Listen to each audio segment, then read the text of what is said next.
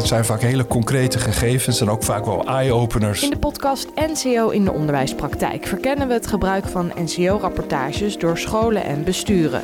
Hoe doen ze dat bijvoorbeeld op het Alkling College in Uithoorn? Zodra ik hem uh, binnenkrijg, ga ik en mijn, uh, mijn collega op het VWO uh, nemen die rapportages door. we maken dat inzichtelijk voor de collega's, maar ook voor de schoolleiding. En proberen dan het gesprek te laten gaan over, over die data. In iedere aflevering delen we een andere ervaring. Om zo inzichtelijk te maken wat de mogelijkheden van de NCO-rapportages zijn. Onderwijsdata brengt zoveel samen. Wat we allemaal in ons vak doen. En iedereen doet echt keihard zijn best om goed les te geven in natuurkunde, in scheikunde, in zijn mentoraat. Um, maar in onderwijsdata komt dat op een heel abstract niveau groot samen. En dat is belangrijk dat we dat ook zien.